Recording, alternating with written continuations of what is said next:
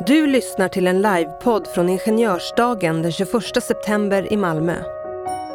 Detta avsnitt heter Den smarta världen och handlar om smarta hus, bilar och AI och vad som händer när allt är uppkopplat. Vilka risker uppstår och vilka dörrar öppnas. Med i podden är kommendörkapten Therese Ternholm, försvarsingenjör Försvarsmakten och doktorand vid KTH. Anton Friberg, Experience Data Engineer Axis och Sven Kristensson, CEO Nederman Group.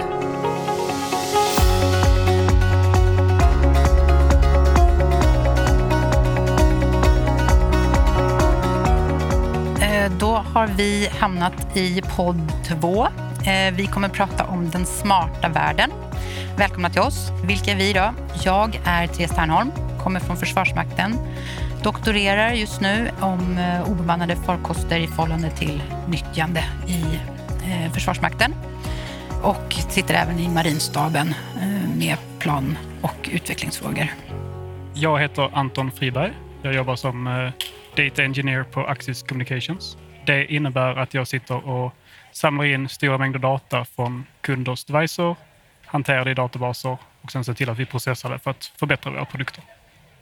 Ja, Sven Kristensson är koncernchef på miljöteknikbolaget Nederman som har sin huvudsäte i Helsingborg.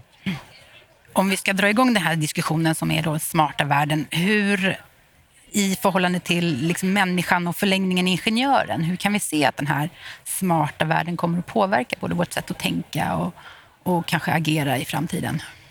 Jag som dataingenjör tänker mycket att eh, smarta världen för mig är ju mer möjligheter, men också mer komplexitet. Det kanske är extra tydligt som mjukvaruingenjör känner jag. Att eh, det är väldigt abstrakta grejer, det är många abstraktionslager och det byggs på hela tiden.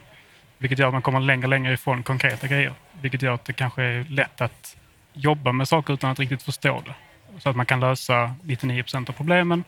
Men när det verkligen går fel så kanske man inte besitter kunskapen för att lösa det helt och hållet. Och där är det viktigt att man hela tiden ser till att hålla koll på alla abstraktionslager och sånt. Så det är en ganska spännande utmaning som jag funderar mycket kring. Mm. Sen? Ja, Jag skulle säga, ibland vänder jag mig mot den här den smarta världen. Världen är inte smartare idag än den var för eh, 500 år sedan i många stycken. Utan eh, eh, när du tittar i den här, det som händer här är ju att vi har fått eh, IT-stöd, vi har fått datastöd, processorstöd som kan processa väldigt mycket information och väldigt snabbt. Och det är det som är skillnaden. Och då kan man komma ihåg att mycket av de algoritmer och sånt som används idag, de är uppfunna på 50 eller framtagna på 50-talet, 40-talet, 60-talet. Men man hade inte datakraften att utnyttja den så kraftfullt som idag. Så att den stora biten, tror jag, och som är viktig, det är den här att kunna hantera flödet och sortera i överskottet av information som samlas in och som man får och göra någonting vettigt av det.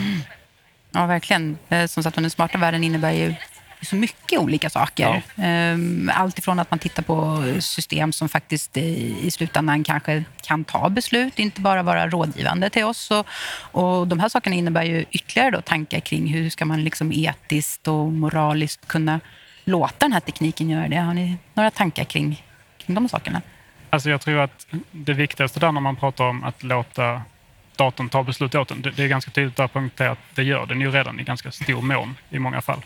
Men eh, jag tror att det vi rör oss snarare nu är ju att mer och mer av de AI man plockar fram är ju byggt på att man bygger dem på data in bara, inte kod längre, utan data in i kombination med kod. Vilket gör att det kanske blir väldigt svårt om man får fram en produkt att kanske förlorar man datan som gick in så förlorar man kanske möjligheten att återreproducera resultatet. Eh, och man förlorar så mycket förståelse, för det blir helt plötsligt en svart låda. Eh, så det gäller ju att man testar den och att man förstår lite grann hur det funkar. Man måste, så att man inte bara rullar ut det direkt. Mm. Det handlar om, nu pratar man om självkörande fordon och så vidare. Det klarar du tekniskt redan idag. Problemet är det filosofiska eller moraliska. Vi- Vem ska du köra på om du, nu- någonting som går snett? Var ska du ta vägen i den här? Och eh, Det är därför jag tror att väldigt mycket av den här kommer att utvecklas i att vi, vilka ställningstaganden vi har, våra egna moraliska åtaganden, vad vill man? Det, det finns mycket i den här ingenjörsrollen i den eh, delen att eh, hur ska man hantera det? Mm. Och det där är ju i och för sig inget nytt. För det, hade, det där tog von Braun och Oppenheimer och, och redan på slut på för, eller mitten på 40-talet, vad har vi gjort egentligen? Va? Så mm. att det, det, är ju inget nytt, det är det samma ingenjörsdilemma som du har och ta lärdom av i den här, men det är en annorlunda värld. Mm. Jag tycker också det är intressant det här att, att eh, ingenjören eh, tidigare har kanske haft eh, lite mer en, en roll att, att vara teknikförstående. Men idag så måste man ju titta på hur ska de här teamen byggas samman för att man ska skapa då den här rätt eller alltså etisk eller moralisk eh, tanke kring det och, och, hur bygger man upp system? Jag menar, vi som försvarsmaktsanställda, hur ska vi kunna lita på att sådana här system faktiskt mm, hjälper oss på det sättet och som är moraliskt och etiskt korrekt. Vilka grupper sätter man samman? Är det psykologer, beteendevetare, mm. ingenjörer tillsammans med utövare? Och så, de här, liksom, hur, hur, sätter man ihop grupper? Det ska inte bara vara som, som förut, kanske man sätter ihop väldigt kloka ingenjörer um, och, och, har en, någon form av ekonomisk spegling på vad man ska göra, utan det blir en helt annan typ av samarbeten. Väldigt utmanande då som ingenjör själv, om man vill samarbeta med de andra grupperna, hur man översätter och eh, hjälper folk att förstå exakt hur systemet fungerar och mm. beter sig. I, för i vissa fall, så precis som du nämnde, när det gäller liksom, ska bilen svänga höger eller vänster? Det finns ju många sådana tydliga fall där det är väldigt detaljnivå, detaljstyrt. Liksom. Och det gäller ju att lägga sig på en viss nivå när man pratar med andra. Mm. Det är väldigt utmanande.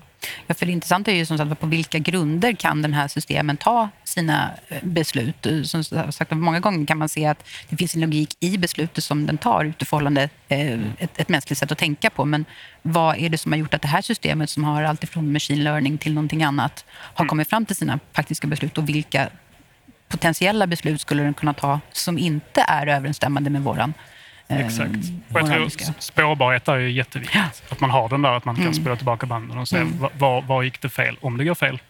Och varför presterar denna bättre än den andra kanske. Mm. Så man kan göra de valen. Något man tittar väldigt mycket på när det eh, alltså obemannade farkoster i framförallt militärdelen, så tittar man på accountability. Alltså vem skulle kunna bli vem får ta ansvar för vad, vad den här gör? Och ja. Det är ju också diskussionen oavsett vilken del man rör sig i. Du pratade om bilar. Då tittar man ja. på, är det, är det föraren eller är det tillverkaren eller är det någon annan som ska vara? Så det, just det här, vem kommer att, bli och hur, hur ser den kedjan ut? Mm. Eh, att, att man ska ta ansvar då för och jag tror att det, det, här kommer ju då leda till, du är inne på det, att du kommer att ha mycket mer grupparbete än, mm. än tidigare med många andra eh, i och med att du kan göra så mycket mm. mer än vad du kunde göra tidigare. Mm. Och då innebär det att, att du får de här effekterna och då innebär att man måste ha mer andra aspekter och det innebär att i utvecklingsarbeten och i en mängd olika, så behöver du olika kompetenser. Så att det, det kanske inte är lika ofta så att det är den enskilda individens eh, briljanta idé som kommer att leda till. De kommer behövas som inspiration och framsteg och så vidare. Men själva slutprodukterna kommer att komma fram i, i det faktum att man jobba i grupper som är effektiva och väl fungerande med många intressenter. Man var inne på det här innan i början. Alltså, eh, I början var det bara ingenjörs, sen blev det ekonomiska. Men nu kommer det andra aspekter mm. i den här, eh, om vi nu kallar det smart world eller vad vi nu vill mm. Och då kommer ju den här frågan, liksom, hur, hur hanterar man då ju mer smart världen blir, desto mer kan ni hjälpa oss med och desto mer eh, innovation blir det på den egna privata individen. Vad, liksom, vad innebär det? Då? Hur ska man värdera den här integriteten hos den egna människan i förhållande till att ha de här effektiva uppkopplade systemen kanske som, som kan både hjälpa oss med vissa saker, ta egna beslut eh, beroende på hur, vad den ser i exemplifiera kameror och, och så. Ja, det. Ja, absolut. Där tycker jag det är viktigt att varje en av oss har ett ganska stort ansvar där med de valen vi gör, med vilka produkter vi köper och vilken grad av eh, accountability som du pratar om vi faktiskt sätter tillverkarna på eller eh, tjänsterna vi köper. Mm. Det känns som det blir mer och mer viktigt med transparens så att man inte bara ger en produkt utan man också ger ett eh, kunskapsutbyte. För till exempel när vi pratar om AI och sånt så är, eh, man kan inte bara sälja en AI-produkt utan man måste sälja exakt lite mer nyanserna kring hur den beter sig. Mm. Så att man ökar förståelsen kring AI. Precis som när man säljer en bil så måste de lära sig köra bilen det hänger mycket på sånt, mycket eget ansvar att man faktiskt ser till att man förstår det nya smarta grejer man tar in så man inte är blind och tar in allting liksom, mm. naivt. du har aldrig kunnat stoppa teknikutvecklingen och den kommer du inte att kunna stoppa nu heller, så den här kommer att ske. Och det är precis som du är inne på, du säger att det är klart tillverkaren, men du kan inte hålla tillverkaren av yxor ansvarig för alla yxmord, för det är en bra verktyg. Du kan inte hålla alla bilar och så vidare, utan man ska medveten och som tillverkare kunna tala om vad som är och man ska kunna göra det på det bästa. Men i slutändan är det den individens ansvar hur man använder produkten och hur politisk och stater och vilka företrädare vi väljer. Vi har ju mängder av teknik. Nu är du för kameror. Det finns ett par länder och ett land är världens folkrikaste land som använder kamerorna på ett mycket och är världsledande på ansiktsigenkänning. Mm. Ja, det, personligen tycker jag att det är ett fruktansvärt sätt att använda det, för de använder upp det till någonting som är fel. Men det är så att säga inte att ni har tillverkat en kamera som gör det här, utan det är vi som individer som får se vem är det vi väljer som företrädare, hur vi kan det mm. laga, vilka regler är det i jag den här. Jag, jag, tror också det handlar väldigt mycket om hur, hur pass mycket vi väljer att koppla ihop systemen. Så till ja. exempel, du, du, nämnde Kina, där har man ju valt att centralisera allting väldigt mycket. Vilket gör att man förskjuter väldigt mycket makt till en central punkt. Mm. Jag tror att om man istället hade kanske demokratiserat tekniken och delat ut den i mindre städer eller kanske till och med enskilda det, hem så kanske det, man hade Absolut. Men det är det, risken lite grann. Liksom. Det är ju inte i den ledande femmannaregeringen eller den högsta intresse. Utan, så att det är därför det är Exakt, viktigt att ja. vi som individer tar vårt ansvar, både ja. hur vi ser på politiken, hur vi ser på användning och så vidare.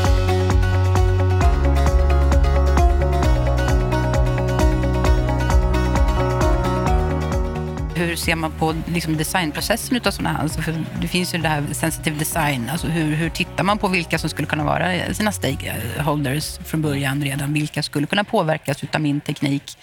Jag vet att ni hade gjort ett arbete där man tittar på liksom hur ska man värdera olika komponenter. Ja. Det ska bara kunna vara en människa eller ett djur eller en, en sak, utan inte värdera, lägga värdering i, i vilken typ av människa eller vilken typ av någonting annat. Så det finns ju väldigt mycket liksom att titta på hur tidigt i designprocessen ska, ska alla de här olika en, komma in. Och alltså, det hänger mycket om att man, man väljer den delen av ansvar du vill ta. Liksom. Mm. Så vi, vi, vi vet ju att vi är en känslig bransch där transparens är väldigt viktigt, där etikfrågor är väldigt viktigt. Mm. Så vi, vi väljer att spendera mycket tid och energi på det.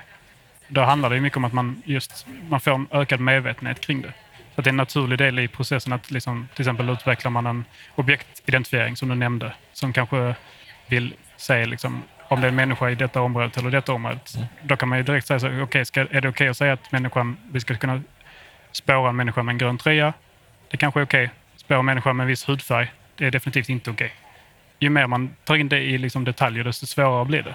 Och där är det ju viktigt att man eh, är medveten om att liksom, alla gör sitt bästa så tar man liksom en återkoppling med kunder och sådana saker så man vet att man hela tiden är öppen med, man är öppen med hur den fungerar och att man inte är korrekt hela tiden. Alltså det är en kontinuerlig dialog och vi rättar in oss rätt hela tiden. Liksom. Mm. Men det är ju det som är, och nu är vi ju inne på mycket av de negativa effekterna och de man får hantera. Om vi tittar i vår bransch är det ju mm. en fördel att det vi har jobbat med, med de här bitarna, med mättekniken och hantering och sorteringen, den gör ju att vi kan bli bättre på att analysera utsläppen och därmed effektivisera vårt sätt att rena luften så att säga.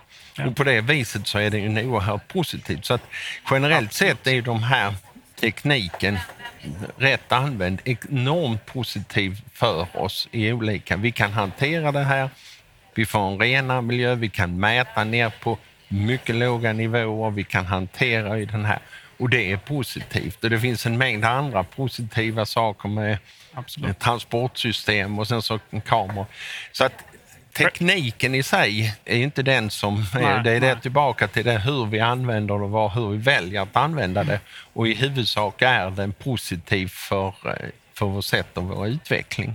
Och vi kommer ju fortsätta få se ännu mer bra grejer som kommer ut av det ju ja. fler som lär sig förstå grejerna. Och det blir som en hävarm sitter du på rätt verktyg så kan du göra mer. Mm. Så har det alltid varit. Liksom. Hos oss eh, i Försvarsmakten handlar det mycket om liksom, hur ska man nyttja exempelvis då obemannad autonomi eh, för att, att eh, minska risken för, för individer. Mm. Och där blir det ju också liksom, hur, hur ska man ställa sig då till att för mig minska risken väldigt, väldigt mycket men för någon annan så ökar ju risken kanske mm. just för att jag mm. själv som motståndare inte har, har gjort någon egen eh, personlig... Eh, jag offrar ingenting själv.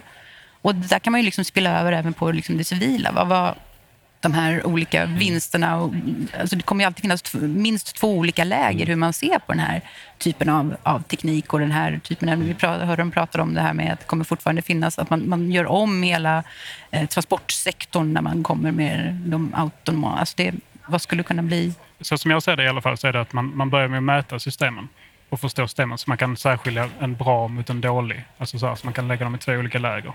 Och sen kommer det då att, vilka hjälpmedel kan vi göra för att vi rör oss mer åt det bra hållet än det dåliga läget. Så, så vi pratade lite grann om det med liksom övervakning och sånt.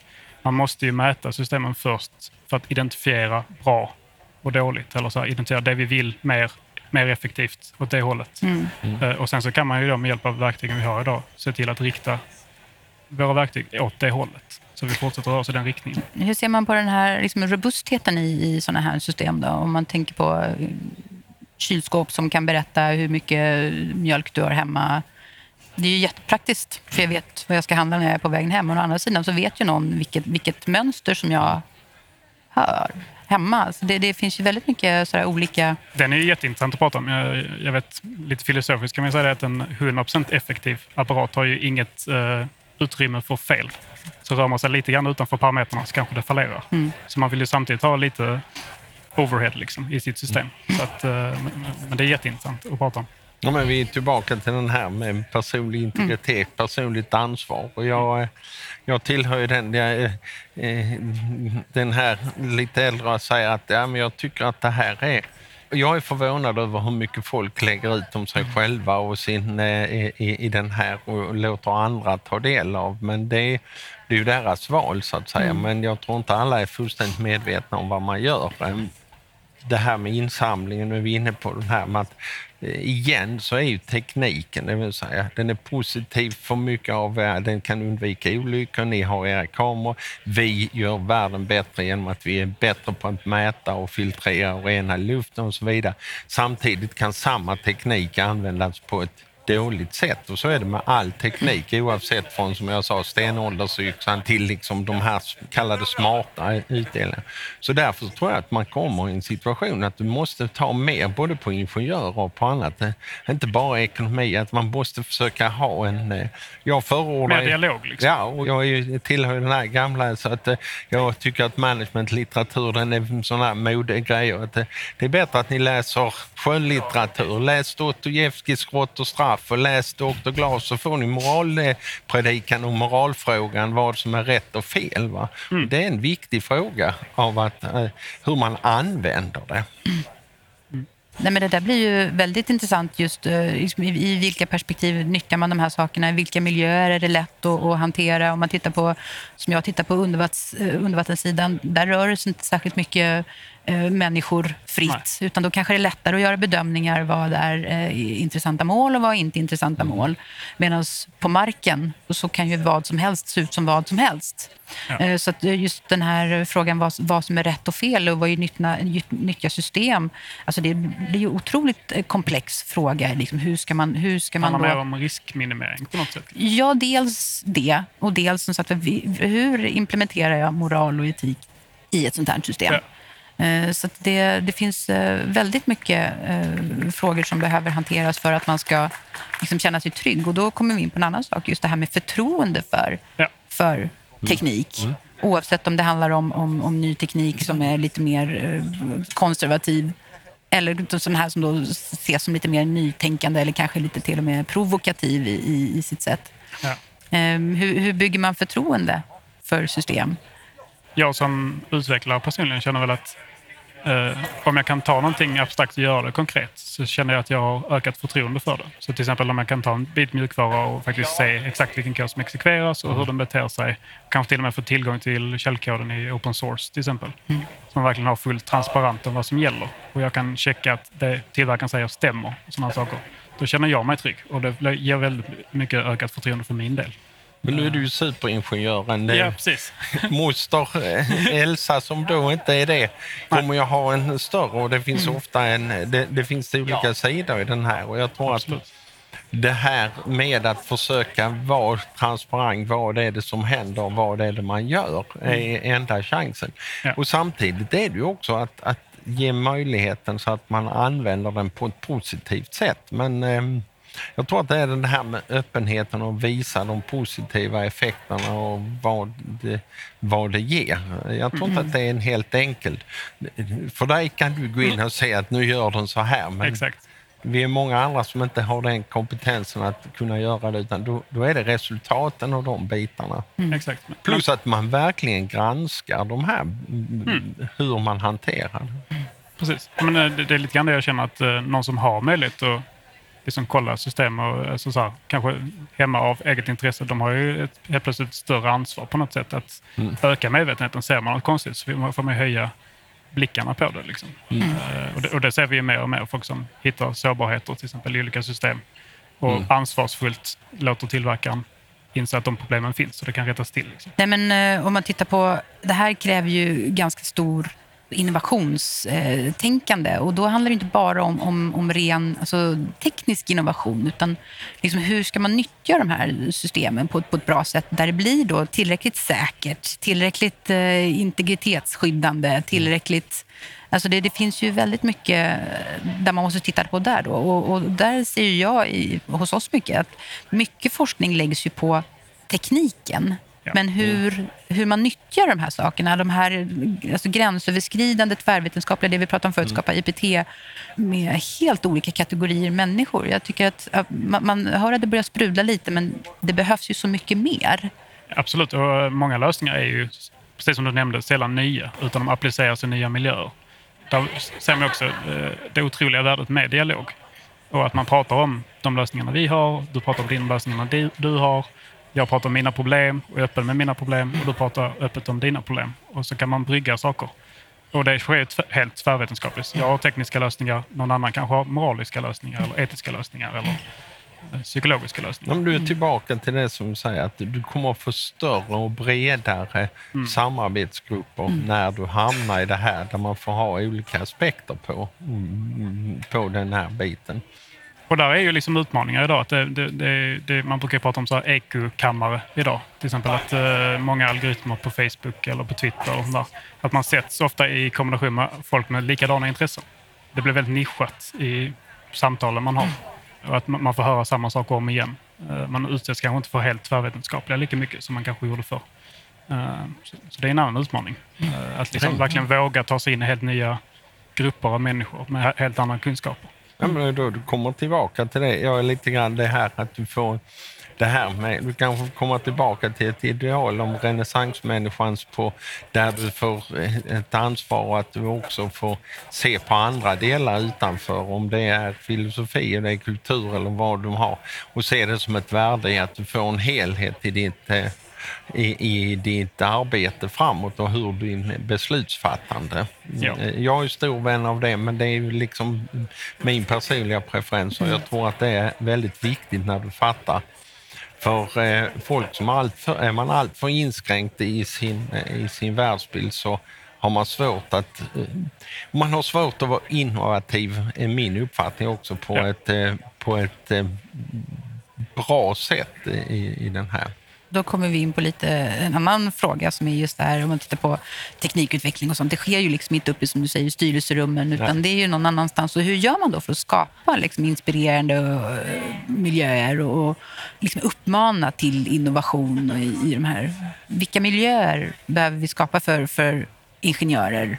Jag tror det är väldigt eh, olika. Jag tror det är väldigt svårt att säga att det finns en one size fits all. Utan jag tror att det, det, det skiljer sig väldigt mycket. Det skiljer sig mycket i våra delar. De som jobbar med mättekniken, de som jobbar med filtreringstekniken. Det är lite olika. Men, men en sak som jag tror är, är viktigt att man tillåter folk att eh, misslyckas. För att eh, gör man inte det så kommer man inte att ta och våga de här sprången utan man får ha men man ska misslyckas inom kontrollerade former innan det är hos kunder eller det kan skapa några sådana här.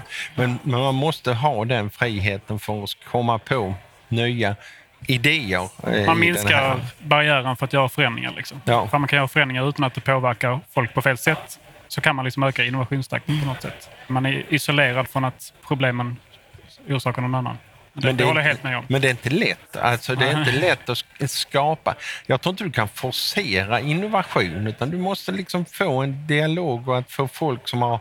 Och kanske också att de har tid att göra det emellanåt i, emellan de dagliga mm, vad ska man säga, eh, fokuserade problemlösningen så här. Och, och det är ju själv, alltså har du en, en problemlösning och du är hårt fokuserad på den så har du inte tid att tänka på framtiden utan, eller på det här.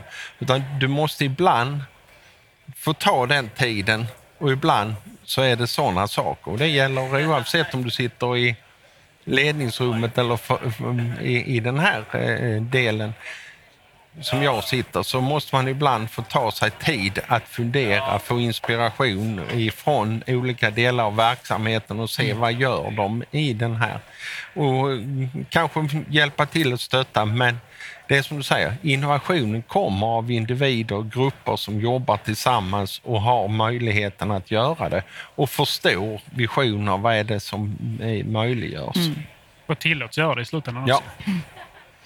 Nu har vi ju två minuter kvar.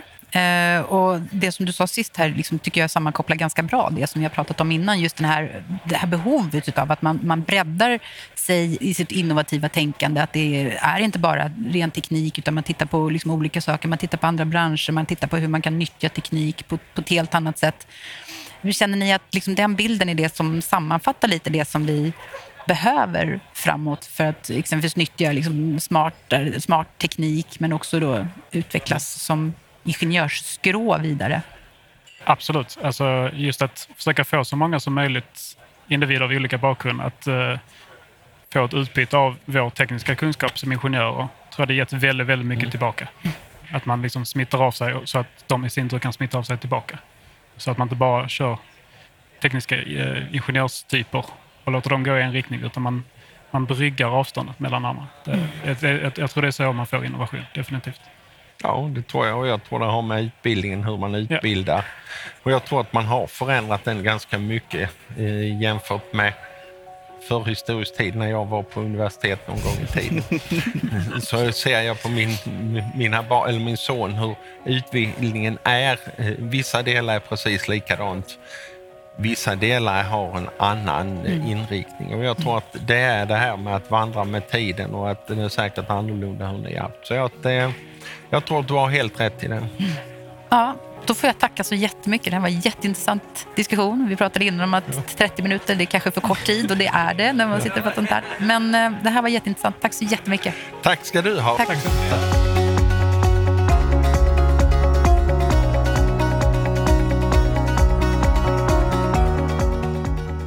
för att du har lyssnat. Gå in på ingenjörsdagen.se för att läsa mer om initiativet eller för att anmäla dig själv eller ditt företag till kommande träffar. Ingenjörsdagen är en del av Linti Group